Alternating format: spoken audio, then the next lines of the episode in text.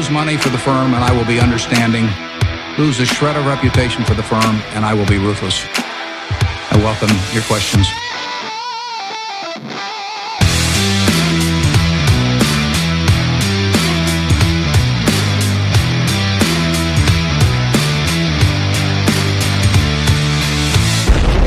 Välkomna till Kvalitetsaktiepodden. Det är jag som är Ola.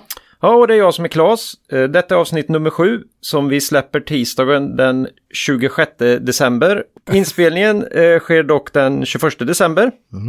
Eh, vi tänkte väl försöka vara lite lediga här, eller? Ja, absolut. Mm. Ska till Spanien en sväng faktiskt. Härligt, härligt. Eh, och då kan man väl också passa på att säga att under julledigheten här finns det kanske lite tid att, att läsa mer än vanligt. Eh, och då vill vi tipsa om Spartacus utmärkta blogg på Trade Venue. Eh, där ni även hittar en intervju med dig Ola. Som, Ja. som årets ljusbringare, det var väl fint? Ja, det var fint. Det, det kändes, eh, det, det värmde. Ja, kom i tid eh, till Lucia där. Precis. Så att eh, det känns ju kanon va. Och eh, vi vill också passa på att varna känsliga lyssnare inför det här avsnittet. Jaha. Mm. Ja, visst. Och det är ju för att det blir inga direkta bolagsanalyser idag. Nej. Aj, aj. Aj. Eh, vi hoppas det kan bli bra. Vi kommer till vad vi ska prata om så småningom då. Eh, och det kommer bli frågeavsnitt. Och då vill vi också varna för att vi kommer ta en del ganska enkla och grundläggande frågor idag. Vi vet att de allra flesta av er kan det här, men vi vill försöka vara en podd för alla. Vi har märkt att vi får in en del, ja, ganska grundläggande frågor. Och då plockar vi vi några av dem. Så det kommer bli lite... Lite bland, lite, svårt, ja, lite lätt. Ja, lite, en hel del väldigt ja, svårt. Blandat. Eh, och då vill vi också nu här då i inledningen passa på att tacka för alla lyssnare. Eh, vi är ju, vi var överväldigade tidigare, nu vet vi inte vad vi ska säga. Vårt senaste avsnitt här, Köp och behåll, har idag över 3000 downloads på Podbean. Och totalt senaste veckan så är det över 7000 eh, downloads från alla avsnitt. Det är kul. Ja, det är, det är tack så jättemycket. Mm, mm. Eh, kul att ni gillar det. Ja. Eh, Det här ger oss ju mycket glädje och kraft i arbetet med podden. Och eh, vi får också in en hel del bra frågor. Även där märks det att det finns några som lyssnar. Ja. Och nu är det det här att podden är ju en mindre del av vår arbetstid, än så länge i alla fall. Eh, och därför kan vi inte svara på alla avancerade frågor om beräkningar av olika nyckeltal och sådär. Och är väldigt svårt för oss att svara på djupgående frågor om bolag som vi inte bevakar i dagsläget. Ja. Även om vi får en hel del intressanta uppslag kan man ju säga. Precis. Eh, så att vi, vår tanke är att de generella frågorna, de ska vi verkligen försöka besvara här i podden. Och är det väldigt, ja, framförallt är det väl bolag som vi tittar mycket på, då tycker vi det är jättekul. Då brukar vi svara i aktuellt socialt medie kan man säga, eller på mail då. Eh, så att vi, vi tar ju fortsatt jättegärna emot era frågor. Ja, och hela det här engagemanget är ju något vi försöker skapa med podden också. Så att, eh, att ha det här utbytet och folk som blir intresserade för bolagsanalys och bolagsvärdering, det är ju det är ju själva grunden här. Så vi ska, vi ska göra vårt bästa. Ja, eh, fantastiskt eh, trevligt. Bra. Eh, då är det ju så här vad vi ska prata om idag då. Och då är det ju ett frågeavsnitt det här. Eh, och vi har samlat ihop ett antal här. Och då börjar vi med...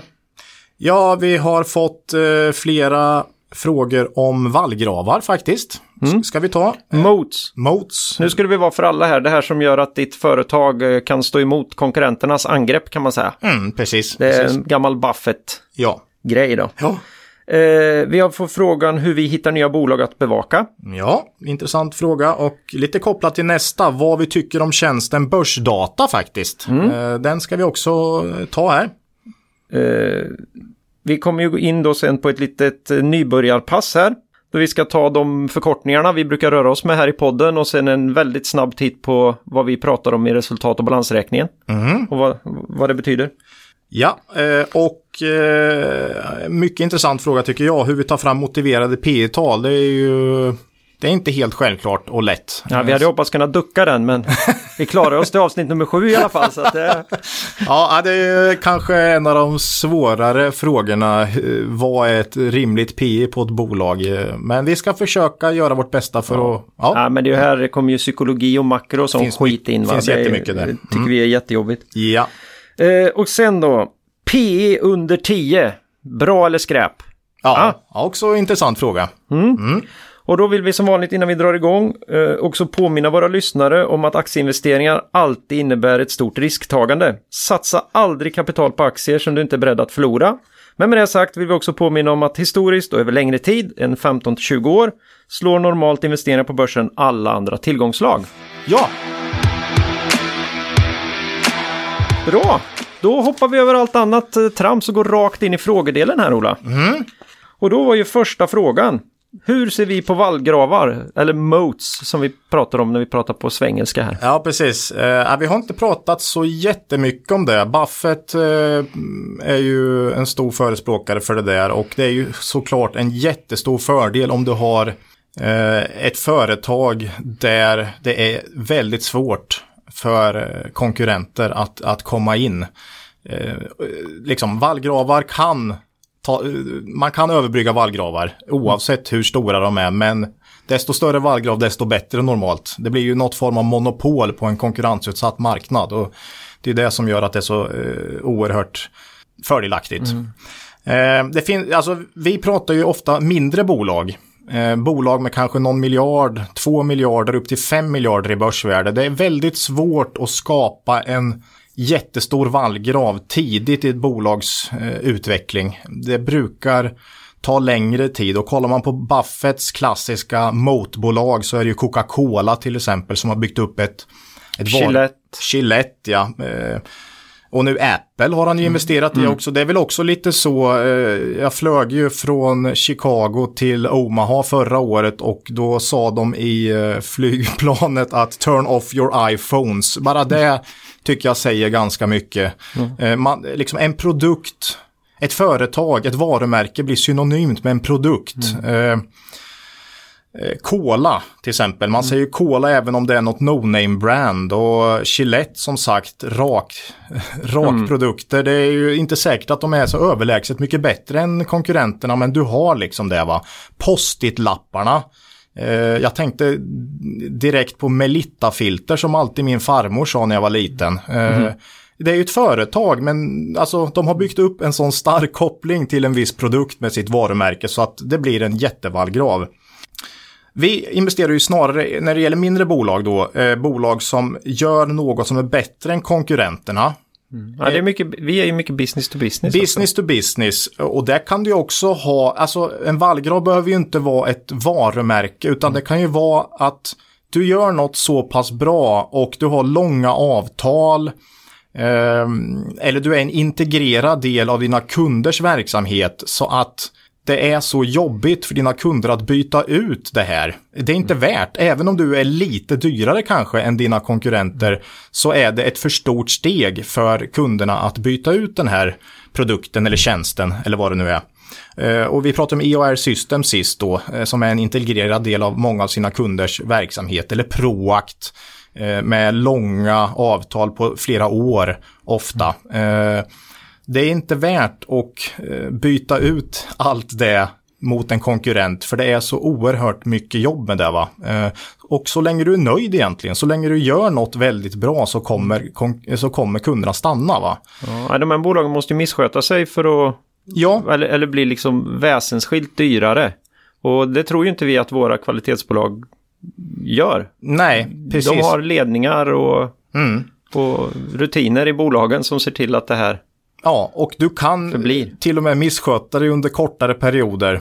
Eh, och du kommer ändå ha kvar kunderna. Men självklart måste du alltid sträva efter att vara bäst. Eh, men med långa avtal och integrera, vara en integrerad del av företagets eh, verksamhet så, så tror jag det bygger upp en vallgrav. Även om det inte är de här tydliga vallgravarna som du har i Coca-Cola och Gillette. Va? Eh, Eh, Av de bolag vi har pratat om är det kanske Fenix som ligger närmare som varumärke där med eh, Primusköket. Det är ju något man ofta använder. eh, Eller Fjällräven som står för eh, oerhörd kvalitet och där man, hellre, man tar inte gärna en, en kopia. eh, För köper du ett par Fjällrävenbyxor vill du ha den kvaliteten så att säga.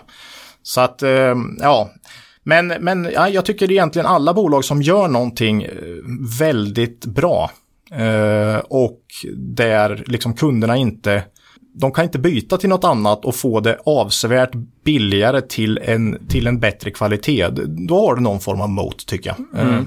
Så det är snarare det i mindre bolag som är det viktiga, tycker jag.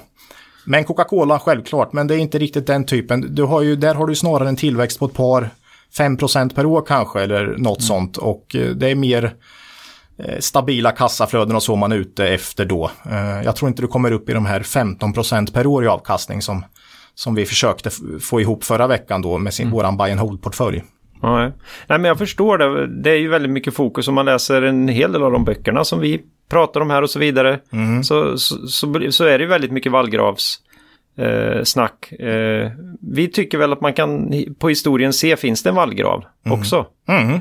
Ja, just det, precis. Mycket intressant. Har du som HiQ till exempel. Uh, har vi nämnt också i podden förut. De har ju alltid bättre marginaler än alla andra konkurrenter och tappar inte lika mycket i lågkonjunktur. Varför gör de det? Det är it-konsulter som alla andra. Någon form av vallgrav har de helt enkelt. Uh, ja, de, mm. gör, de är bättre på, på det de gör helt enkelt. Och det kan ju också vara en form av eh, skydd, vallgrav. Att, att du ständigt är eh, på tårna och bäst liksom. Eh, mm. Så att, ja. Ja, jag vet inte om vi kommer så mycket längre i vallgravsdiskussionen. De stackarna här fick ju inga klockrena svar, men... Nej, nej, men man kan säga i mindre bolag tycker jag snarare långa avtal, återkommande repetitiva intäkter. Det är väl det snarare som är eh, en viss vallgrav faktiskt. Reoccurring revenue. Ja, precis. Mm. Mm. Ja, vi finner frågan eh, hyggligt besvarad. Hyggligt besvarad mm. själva då. Mm. Eh, det kommer vi märka i flödet sen om den var det. ja, vi hoppar raskt vidare till nästa fråga Ola. Mm. Hur hittar vi nya bolag att bevaka? Ja, också intressant. Det här handlar ju, jag vet Buffett har ju sagt som svar på någon fråga att uh, han börjar på A och slutar på Eh, W då, eh, eller Z här ju, mm, mm. slutar på Z när han går igenom, när han försöker hitta nya bolag. Han kör aktielistorna från eh, början till slut liksom, riktigt hardcore så. Mm. och det har ju jag gjort många gånger i, i, ja, så länge jag har hållit på med aktier. Men i grund och botten är det ju någon form av eh, vetgirighet och intresse och så som gör att man eh, söker upp information om nya bolag och, och sådär. nu har ju vi upp, upp, en bas med 80 bolag som vi följer löpande. Eh, och nya bolag får vi ju genom man gör en screening då och då. Man kan sortera på de flesta aktiesajter på P tal och tillväxt och sådär. Mm. Uh, ja, affärstidningar, poddar. Ja, ja. Nej, men man kan få lite ny syn på bolag som man kanske har följt och inte... Ja, Börsveckan är ju en sån. Mm, som precis. jobbar jättemycket med kvalitetsbolag. Ja. Kan man ju få eh, uppslag. Det kan ju ofta vara bolag som man har följt men som man kanske har tappat lite. Mm. Och det rena datat är inte riktigt, riktigt så intressant som när du får mer kött på benen då från en analys där till exempel. Och sådär. Absolut. Uh, och, och, även nya bolag. Det kommer ju IPO nu kommer det komma väldigt många bolag som ska visa sig här. Det här är ju en mm. storm av, av nya bolag in på, på de olika aktielistorna. Ja, och, precis. Och det tar ju några år för oss, men uh, då mm. gäller det att vara med där. Ja. Och, och inte vara rädd för att gräva i dem. Ofta kan man ju hitta äldre data. En hel del av de här bolagen mm. har ju en längre, naturligtvis en längre historik än när de kom till börsen. Precis. Och det kan man ju nyttja också. Mm. Absolut, och jag tycker när du ska göra en egen screening och sortera, hitta, försök fundera på saker du absolut inte vill se hos ett bolag. Eh, då kan du sortera bort väldigt mycket väldigt fort. Eh, som vi investerar ju aldrig i bolag som gör förlust till exempel. Det, är väldigt, det sorterar ju bort oerhört många bolag till exempel. Så att man ska försöka hitta de här saker man inte gillar. Eh, det, det, det får ju ner antalet aktier ganska fort. Eh, men sen måste man vara intresserad och lyssna på poddar och läsa tidningar. Och... Nä nätverk också. Nätverk, vänner. Mm. Man kanske får ett uppslag från någon som säger ja, det här har jag kollat på liksom. Eh, mm. Ja. Ja. Och, sen, och, sen, nästa fråga här som kommer. Ja, jag tänkte, den har ju en bra koppling här. Det också. hänger ihop här va? Du var mm. inne på det här. Eh, börsdata här. Vad tycker vi om tjänsten börsdata? Du sa det här med gör bolagen vinst. Ja, precis. Ja, vi är ju premiumkunder där eh, och eh, tycker det är en superbra tjänst eh, för att göra en screening på bolag i Norden. Och vi använder den ganska frekvent för att sortera på tillväxt och och PE och lönsamhet och så vidare. Eh, Så den, den tycker jag är superbra för att få en historisk eh, utveckling. För i och med att vi jobbar ofta med bolag som man vill se på en historik och en, eh, att de ska vara välskötta och framgångsrika. Det är väldigt jobbigt, det tar lång tid att sitta och gå igenom eh, fem, tio års årsredovisningar och så. Eh, Det får man göra när man väl har hittat ett bolag tycker jag, som är så pass intressant. Då kan man göra det, men som screening så är börsdata jättebra tycker jag. Ja. För att hitta de här som man ska gräva djupare i. Ja, börs, eh, det var ju ett inslag här nu, gick det att hitta på YouTube? Där eh, skaparen till börsdata visar hur man kan göra en ganska snabb sån Just eh, screening just för att hitta. Mm. Sök på börsdata på eh, YouTube tror jag. Så ska du kunna hitta eh, videos med, med, grund, med han som har skapat det här. Det är ju ett jättearbete de lägger ner. När de knappar in alla, det är 1300 bolag tror jag de lägger in eh, kvartalssiffror. Och. Jag ska försöka lägga ut eh, länk eh, till det där både på Facebook och på Twitter. Gör det. Mm. Så, för där får man en väldigt snabb in, intro till. Mm. Vi tyckte det där var ja, Ja. väldigt intressant själva. Precis. Lite, han, är, han var aningen effektivare än vad vi, vi är, men Ja, då var har han ju skapat Ja, eh, plattformen. Så det, det kan man tyckas vara rimligt då. Mm. Eh, det var börsdata, det gillar vi. Mm. Ja, och jag tror de fick ett svar på hur man använder det också. Mm.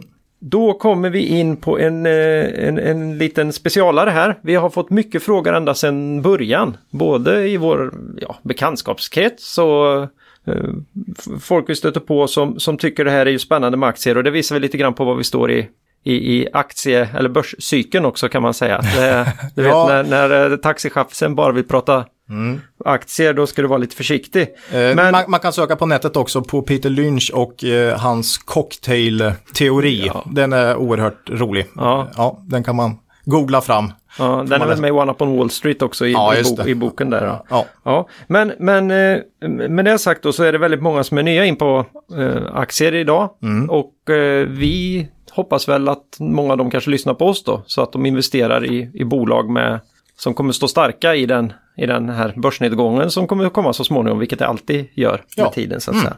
Men, men eh, eh, ja, vi får eh, till exempel eh, frågor om PE.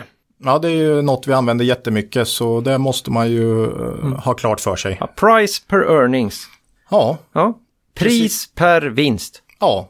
Ja. Aktiens pris genom vinst. Eh, Och då här, det här, bolagets vinst, ja. ja, och här är en fråga vi får från, från väldigt avancerade lyssnare kan man säga. Mm. När, vi, när vi säger priset på en aktie då, vad är det för pris vi pratar om då? Ja, normalt sett det senaste priset innan vi går in här i, Ja, i vår lilla studio och spelar in. det, ja precis. Vi tar så aktuellt pris vi kan. Aktuell kurs på aktien. Och eh, vinsten då? Det är ju någon, något, något vinstmått. Mm. Eh, PE som du hittar i listor är ju ofta för, föregående års vinst. Kan vara senaste fyra kvartalen också. Ja, ja, ja, det kan vara allt möjligt. Men när vi pratar om det, då kommer det ofta vara att vi då har tittat på en Fyra kvartal framåt, eh, en, en uppskattning liksom. Mm. och, och sen sätter vi då ett P utifrån det. Så då tittar vi på vad vi tror om, om vinstutvecklingen i det här bolaget mot dagens pris. Mm, precis. Så, så vinsten för bolaget kommande fyra kvartal då, det blir liksom eh, det blir bolagets vinst och eh, aktiens pris är ju det senaste priset. Mm. Och vinst per aktie, det hittar ni i alla, re, både kvartals och årsredovisningar. Ja, Och, absolut. och det är, en väldigt, det är ett väldigt viktigt mått, för det är verkligen sista, sista raden. Så det nyttjar vi mycket. Ja, och Buffett och Munger eh, är ju förkärlek för det där med nedersta raden. Eh, Man ska komma ihåg att det, det finns ju problem med PE också. Det är ju engångseffekter och eh, skatteeffekter och sånt där som egentligen kanske inte riktigt har med den underliggande verksamheten att göra. Så att eh, det kan bli fel, men som liksom grovt sållningsmått så tycker jag det är väldigt, väldigt bra. Ja. Man måste, alla diskussioner om aktier och bolag behöver starta någonstans. Och vi startar ofta i PE. Mm, det är, man kan göra på många sätt. Mm, mm. Vi tycker det är fullgott, kan man säga. Ja, Eh, ja, det var, det var P-frågan. Mm. Sen så kommer vi då in på resultaträkningen. mm. Eh, och vad, vad behöver man titta på i resultaträkningen? Vi, vi nämner ju ofta omsättningen i bolaget. Mm.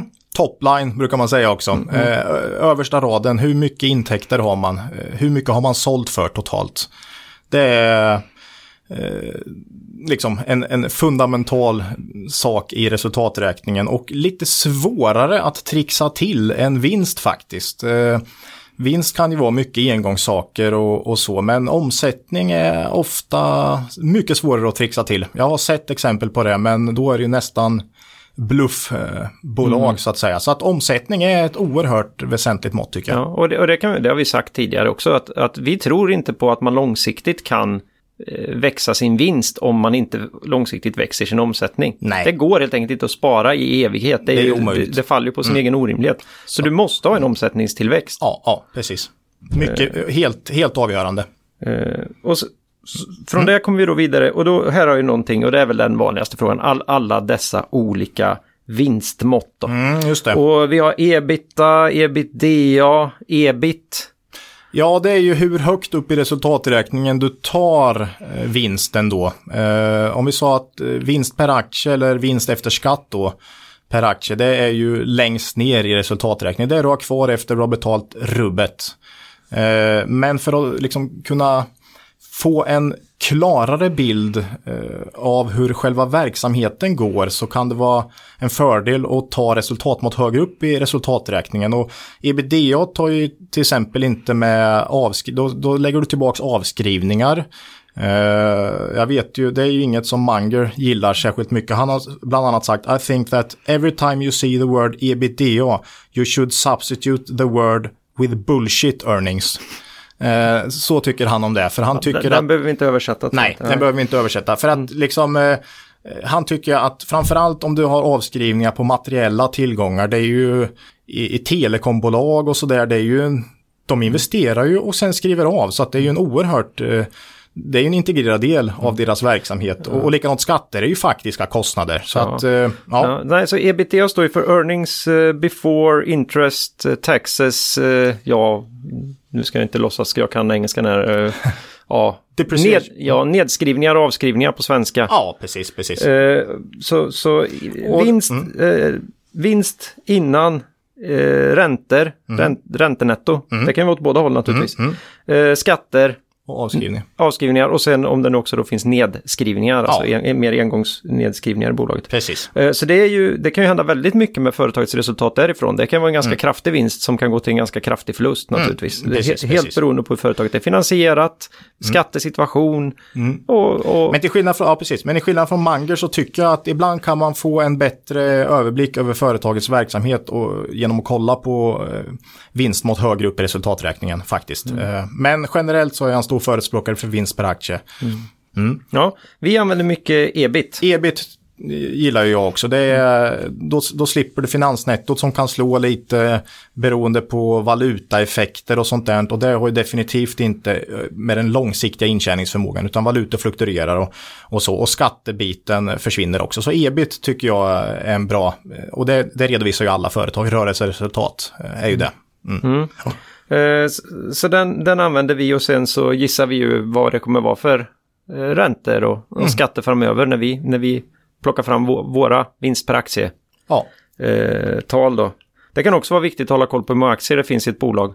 Oerhört viktigt. Det, det kan man göra vi, missar på. Ja, och vi, i förvärvande bolag så är det ju väldigt vanligt med någon form av utspädning över tid. Eh, i alla fall om du har en väldigt tydlig förvärvsagenda, att eh, vissa av förvärven görs med eh, åtminstone några procent eh, av köpet görs med aktier också. Kanske för att låsa in grundarna till det förvärvade bolaget då till exempel. Så att ja, mm. viktigt.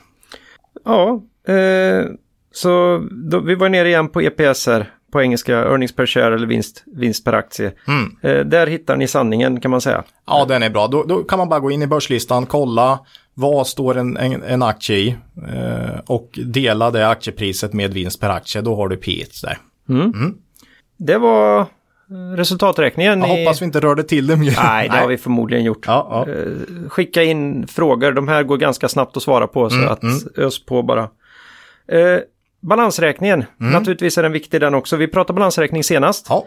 Eh, vad, vi, vi, tar det jättefort igen då. Mm. Vad letar du efter i balansräkningen? Vad, vad, kollar du alltid på där? Ja, nettoskuld sa jag ju då. Eller, mm. ja, Men vad är, det, vad är det för något? Eh, det är ju räntebärande skulder som bolaget har minus likvida medel eller om man har tillgångar som kan jämställas med eh, likvida medel. Eh, Ja, Ja.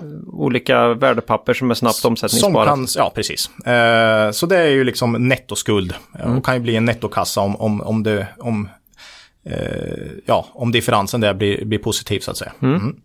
Och vad innebär, var, varför är det bra? Varför är det bra att ha en nettokassa till exempel? Eh, ja, som jag sa sist så du har ju dels så har du ju ett skydd i sämre tider. Eh, det är ju mer troligt att du kan hålla upp en utdelningsnivå över tid om du har en nettokassa. För skulle du ha ett lite sämre år så kan du ta från kassan. Och dessutom kan du göra förvärv utan att späda ut dina aktier så mycket. Eh, så det är ju några typiska exempel. Vissa bolag har dock nästan nettokassa över tid jämt. Och, och då är det ju frågan, de får ju inga ränteintäkter på den där i stort sett. Så att eh, då är det ju egentligen inte mycket värt. Men, men för stabilitet och trygghet, det är ju givetvis värt någonting. Ja, vi ser Och, ju, och, och dessutom om ett bolag skulle lägga ett bud på, eller någon intressent skulle lägga ett bud på ett sånt bolag med nettokassa, då brukar ju det räknas av från priset. Så att, eh, ja, det är, ju- då är det också en fördel såklart. Ja, ibland sitter ju bolagen på en hel del av sina egna aktier också. Mm. Eh, vissa bolag kör ju ganska kraftfulla återköpsprogram. Eh, ett Mm. av bolagen vi pratat mycket om här, eh, ja, i början pratade vi mycket om Pandora. Ja, Ett. Mm. ett av våra innehav. Köper ju mycket eh, aktier. De, de tycker som vi att de är billiga. Mm. Och det är naturligtvis också ett värde som ligger i bolaget som man definitivt måste hålla koll på. Mm. Och flera av de amerikanska jättarna gör ju aktieåterköp också. Eh, Ja, mer eller mindre löpande. Kan de använda dem sen vid förvärv eller? Ja, Om de precis. ska Eller- rekrytera någon, Mm. göra något optionsprogram eller? Man kan makulera också, Mm. eh, så att eh, vinsten per aktie blir högre. Då äger man plötsligt mer i bolaget utan Ja. att ha gjort någonting. Mm. Eh, det var en spännande. Det- Är det speciellt vanligt? Ja, jo, men det är absolut. Det är, det är ju en, vissa bolag har ju det som strategi. Eh, Absolut, och det är ju många av de här mogna bolagen som kanske inte förvärvar så mycket, utan eh, de helt enkelt ökar vinsten per aktie genom att, att ta bort aktier från marknaden. Här har jag mycket att lära, Mm. känner jag. Eh, något nytt varje dag. Eh, det var nettoskulden. Ja, Eh, sen har vi våran eh, lilla käpphäst då, goodwill i materiella tillgångar. Ja, det är, ju, det är ju tillgångar som uppstår när man gör förvärv. Och det är ju nästan alltid så att man betalar ett högre pris än bokfört värde för det här bolaget man köper. Och mellanskillnaden där blir goodwill i det köpande bolagets balansräkning. Mm. det där är ju... Den där posten får man ju ha lite koll på, för blir den extremt stor då finns det ju en risk. Om de här förvärvade bolagen eh, går lite sämre så kan det ju bli en goodwill-nedskrivning. Ofta i Q4 då när man ska städa upp eh, året. Eh, Så eh, stora goodwill-poster är ju, eh, ska man se upp lite med, absolut. Eh, Men, men, men alltså varför man betalar mer än, än bokfört värde, det kan ju vara ja, ett varumärke som man kan tycka var värt oerhört mycket mer än vad som egentligen är i, i det bolaget man förvärva, förvärvar. Det förvärvade bolaget har inte det i sin balansräkning. Eh, det kan vara know-how, man ska komma åt kundlistor etc. Sånt som inte finns i, i, ehm, i det bokförda värdet. Va? Eh, och, och det finns många anledningar till att man betalar högre pris än bokfört värde. Men man kan stöta på ganska jobbiga avskrivningar sen som drar ner resultaten om man har lite otur. Ja, precis. Så är det. Ja. Eh, immateriella tillgångar också, det kan ju vara forskningsbolag och sådär eller mm, som, som re realiserar en del av sin Ja. forskningsinsats så att säga. Det är ju en större, ett större begrepp än goodwill. Goodwill är ju en del av de immateriella anläggningstillgångarna. Ehm, och eh, här kan det vara balanserade utvecklingsutgifter för IT-bolag till exempel. G5 Entertainment eh, på Stockholmsbörsen, eh, där har man ju pratat mycket historiskt om, om just det här. Eh, det kan vara patent, ja, och så vidare, som, som är övriga immateriella tillgångar. Eh, och det kan också vara intressant att hålla koll på ibland. Mm. När, man, när man eh, så att säga lägger ner väldigt mycket utvecklingskostnader men man kanske inte har fått samma, samma utveckling på sin försäljning till exempel. Nej, precis. Eh, Och, och eh, just med G5 Entertainment var ju det här att eh, man, man var orolig att man la så väldigt mycket av sina utvecklingskostnader på balansräkningen. Um, Vissa tyckte att man skulle ta det över resultaträkningen direkt men de hävdade att det var för att man skulle man utveckla spel som sen genererar intäkter och man ska matcha sina kostnader med sina intäkter på ett bättre sätt. Så att ja, det är också en viktig faktor att hålla koll på. Ja, de mm. finns där. Mm. Eh, inte, inte så viktigt som mycket annat, för det här kan ju skrämma en lite grann. Det här kan bli ganska komplext, ja. men eh, vi, mm. vi, tittar mycket på det. Ja. Eh, en annan väldigt viktig tog vi upp senast också, varulager. Ja, det är ju bolag som säljer saker och det är ju egentligen alla produkter som ligger i lager som ska säljas helt enkelt. Om man brukar ju ta upp det till anskaffningsvärde då normalt. och det är klart, är det extremt eh, stort varulager då är det ju eh, om man ser att det är liksom lika stort som nästa årsomsättning kanske, då, då är det ju risk för att man måste rea ut eller till och med skriva ner lagervärdet bara för att man kommer inte kunna sälja alla de här produkterna helt enkelt. Så att det är ju oerhört viktigt att hålla koll på. Kan vara en bomb i kan balansräkningen. En bomb, precis. Eh, spännande, du har ju någon gammal historia där om eh, Phoenix Outdoor. När, då, när du tyckte att deras varulager började växa lite? Ja, jag ringde Martin Nordin faktiskt. Han bor ju i Schweiz numera. Mm. Eh, och han svarade att eh, Ja, det är fan inte bra alltså. Eh, riktigt illa. Men vi har aldrig reat ut något förut och vi kommer inte göra det framöver heller. Det var, det var hans raka svar på varulaget. Men han var inte nöjd med det. Det hade varit en varm vinter. Det låg massa dunjackor i, i lagret men han sa att våra dunjackor kan vi sälja nästa vinter med för de är tidlösa. Eh, mm. Och det stämde ju visst. Det stämde. Så mm. att, eh, nej men det... Det här är några år sedan dock. Det är några, år, det är några år sedan. Så det här är vatten under bron. Mm. Eh, men varulager är viktigt. Ja. Bra! Vi har, ja vi kan ta Kabe också mm. som bygger upp varulager inför försäljningssäsong och sådär. Så att Eh, ja, det, det, är mycket att hålla koll på här. Det är inte, det är inte jättetydligt. Man må, alltså, mm. Det finns ju förklaringar till att varulager ökar och minskar eh, säsongsmässigt också mm. i, många bolag. Eh, mm. Ja. Bra. Mm. Ja, eh, det var det. Och vad vi menar när vi pratar om de här grejerna hygg, hyggligt i alla fall. Ja, ja. Eh, skicka gärna in mer funderingar. Mm. Eh, vi försöker vara en podd för alla även om vi vet att det kan bli lite ja. tekniskt i, ibland. Mm. Eh, bra. Eh, två frågor kvar för i, idag, sen ska vi ta julledigt. Mm. Och då kommer vi till kanske vår absolut svåraste fråga. Mm. Hur tar vi fram motiverade P-tal när vi då alltså försöker jämföra vad våran tro om vad P-talet kan bli en bit in i framtiden och vad som är motiverat, vad vi tror att mm. ja, marknaden kommer vara villig att betala för bolaget. Ja, det, alltså det finns ju det finns ju en matematisk formel för att räkna ut vad, eh, hur mycket du kan betala för ett bolag som växer si och så mycket. Eh, men ja, och, och den...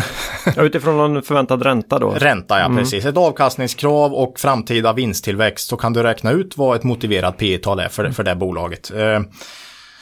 Eh, och det är, ju, det är därför jag tycker tillväxten är så oerhört viktig att hålla koll på här. Mm. för eh, det motiverade P talet du kan betala eh, öka ganska dramatiskt desto högre tillväxt du har nämligen. och jag gillar som ett enkelt begrepp det här PEG-talet som jag pratade lite om förra gången. att man give or take, liksom. det här är mellan tummen och pekfinger, kan betala ungefär samma PE som bolaget kan förväntas ha tillväxt framöver. Mm. Så ett bolag som eh, växer med 10% per år ska ha eh, P 10 då. Mm. Och 20 ska ha P 20 då, ungefär. Men det där stämmer faktiskt inte fullt ut såklart, utan egentligen tycker jag... Synd. Ja, mm. det, det, gör inte det, utan du måste egentligen... Det är oerhört få bolag som växer med över 15% per år i 30 år. Mm. Den typen av bolag är extremt eh, ovanliga. Eh, däremot kan det ju växa väldigt snabbt i några år. Det kan du göra. Eh, men, men jag skulle säga snitt PE, tänk så här, snitt PE på börsen eh, historiskt har varit 14, 15. Och börsbolagen kanske växer med 7-8% per år i snitt. Ja, växer du snabbare än det, ja då ska du ha ett högre PE än snitt P. Och växer du långsammare så, så ska du ha ett lägre. Så att eh, om ni har 14-15 som grund på ett normalt börsbolag eh, och sen funderar på om det här kommer växa fort, snabbare eller långsammare än snittet, då, då kan du motivera högre P än 15. Liksom. Mm. Vi brukar sällan betala över P 20, det, det, brukar vi ha som någon form av gräns. Då är det ganska mycket förväntningar på framtiden. Mm, där går en gräns även för dig, Ola. för mig även en gräns, mm, precis. Ja. ja. Men, men eh, ja, Ja, det, här med, det här med P, det, det, finns ju mycket psykologi i det här. Det är klart, vi, vi, gör inte den typen av analyser och det är väldigt mycket makro, men det är klart att du kan, om du tittar på vissa branscher, mm. så vid olika tider så har de ju en tendens att få P tal som mm.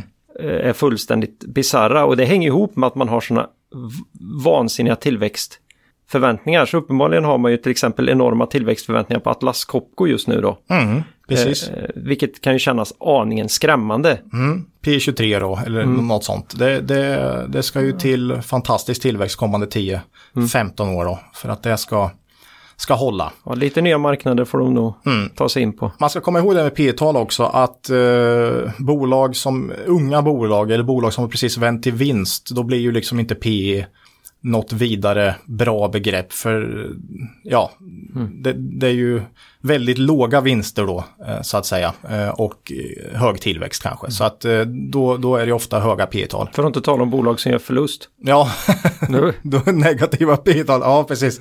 Ja, mm. nej men ja, det, jag, jag, tycker man ska tänka P15 som snitt ungefär. Det är mm. en bra tanke. Mm.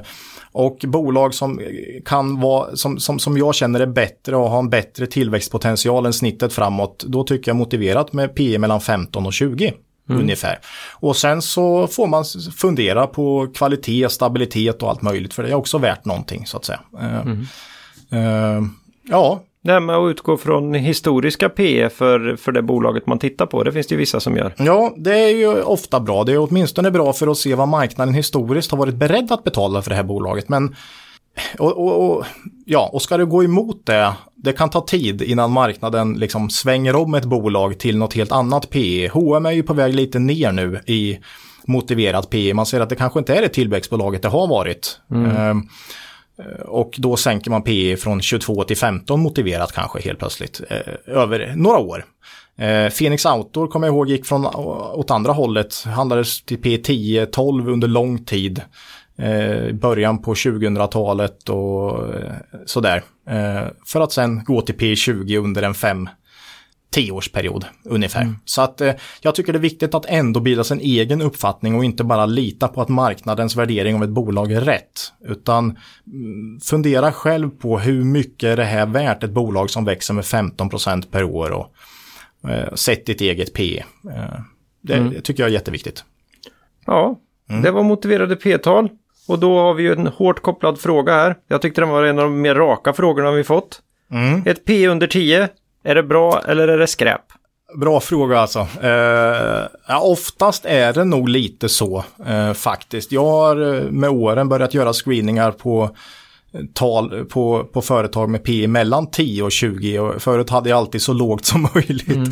Men det, det finns en hel del skräp där. Eh, eh framförallt med väldigt svaga framtidsutsikter. Hela klädbranschen nu till exempel, om du kollar på MQ och Kappahl och de här, har ju väldigt låga P tal 9 kanske eh, och sådär. Eh, men det visar också marknadens skepsis till eh, deras framtid nu då. Mm. Ja, oro. För... Oro mm. framförallt. Du kan hitta riktiga guldkorn under 10. Absolut. Pandora som vi pratade om här mm. förut handlades till P9 här för när vi tog upp det för någon månad sedan i podden. Så att du kan kanske hitta guldkorn som du verkligen tror på. Eh, men man ska vara lite orolig tycker jag när det är extremt låga P tal ehm, Ja, man får göra en grundlig analys då i alla fall. Eh, viktigt. Ja, mm. ja, det ska man alltid göra. Så att, eh, mm. Men eh, det kanske är så att man inte Ja, det, det, är inte ofta det mest fruktsamma vattnet att fiska i. Nej, bra sagt. Mm. Eh, investmentbolag såklart eh, slår ju, det, det, är inte bra överhuvudtaget att sålla på PI där och mm. råvarubolag det är ju, och kraftigt konjunkturkänsliga bolag eh, är ju också lite, för i vissa tider så kan det ju vara extremt låga P tal men, men det, det baseras på något sätt utifrån en, en snittintäkt över tid då va. Eh, så att eh, Ja, men i produkt och tjänstebolag så, Så var lite skeptisk till extremt låga P tal. Eller så har ni Hittat en guldgruva. struck, Mm, struck, gold. struck gold. Precis. Ja, det var frågedelen Ola. Mm. Då hoppar vi rast vidare här. Vi måste ha ett citat. Ja, Och idag tar vi ett, eh, ett oerhört viktigt men kanske lite svår, svårtolkat citat. Och det är ju helt enkelt vår vän Buffett igen. Eh, han ska ha sagt eh, Rule number one, never lose money. Rule number two, never forget rule number one. ja eh, säger ju mycket där, men det kan låta oerhört, ja visst, självklart eh, ska man undvika förluster, men i- vad jag liksom väg, får in i det där eh, uttalandet är att eh, undvik de här riktiga bottennappen. Det, det är oerhört det, det påverkar portföljen väldigt mycket om du sitter med några riktiga surdegar som sjunker i aktiekurs eh, hela tiden. Eh, och eh, där tycker jag just det här med kvalitetsbolag och att du ska eh, investera i, i bolag som växer under lönsamhet. Eh, då slipper du de här riktiga surdegarna. Eh, det, det, det är liksom det jag väger in i Buffetts eh, never lose money. Eh, ja. Ja men det är, det är väl Att du ska ha koll på Ja. dina investeringar. Och, bet- och betrakta inte aktier som lottsedlar utan som andelar i verkliga bolag. Ja, Så därför bör du titta på vad bolaget håller på med och hur stor risk det är i bolagets verksamhet. Och betala aldrig ett överpris. Eh, det är också helt fundamentalt Ja. här. Förlora inte pengar, det vill säga när du gör en aktieinvestering, känn då att du betalar mindre än vad eh, det är värt. Eh, Just vid den tidpunkten. Ja, precis. Jag tog torktumlar-exemplet här i några av våra första mm, poddar att folk gör grundläggande genomgångar innan de ska köpa torktumlare. Och det bör ju vara oändligt mycket längre genomgång innan man köper en aktie tycker jag. För det är ju ofta oerhört mycket mer pengar man investerar i aktier än en torktumlare. Eh, och så att, eh, ja. Men det skulle väl kunna räcka i och för sig om du säger att en torktumlare kostar 5-10 000 någonstans. så 5 ska 000. du in med 5-10 000. Lägg den tiden då. Ja, Lägg minst. åtminstone de timmarna. Ja. men åtminstone istället Åtminstone. för att ah, min kompis har tjänat massa pengar i Fingerprint. Ja, och så kör man in alltid. Ja, nej men Ja. det är alltså, eh, mm, ja, nej, mycket viktigt. Det är bra saying av Buffett där. Mm, var trygg och låt tiden göra jobbet åt dig. Och i hans fall måste man också säga bli väldigt, väldigt gammal. Ja, och det, det tycker jag är intressant. För mycket handlar ju med en sån här filosofi handlar om hur gammal du blir. Eh, det är något man inte riktigt styr över. Men eh, eh, Eh, blir man gammal och är långsiktig så talar ju ränta, ränta på ränta-effekten för att du, du ska få en, en stor summa pengar när du, när, när du blir gammal så att säga. Mm. Men vi blir också frestade ibland. Det är klart man tycker man ser eh, riktigt, riktigt bra dealar där ute. Vi kan ju se bolag som vi tycker är kraftigt övervärderade och sådär. Men det gäller att hålla fingrarna borta ur den syltburken för det, det är risk, risken är enorm. Och du möter inte bolaget längre utan du möter psykologin och folks tro om bolagets värde.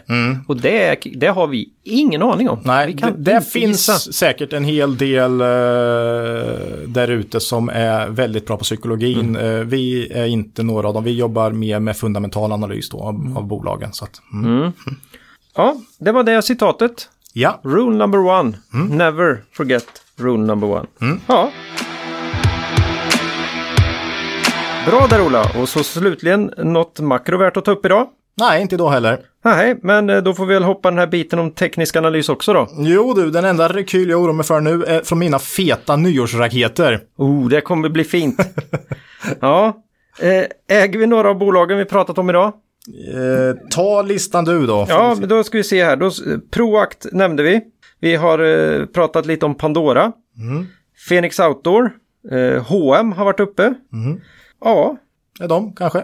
Pandora sa jag. Ja, så Ja. Mm, Det var det var de. G5 Entertainment. Ja. var väl jag och, Ja, det har du. och slog runt. Ja, just det. Precis. Ja. Mm. Eh, mycket, mycket aktier på kontot nu. Eh, men då säger vi hej då för den här gången. Och kom ihåg, Det är först när tidvattnet drar sig tillbaka som du får se vem som badat naken. Lose money for the firm and I will be understanding. Lose a shred of reputation for the firm and I will be ruthless. I welcome your questions.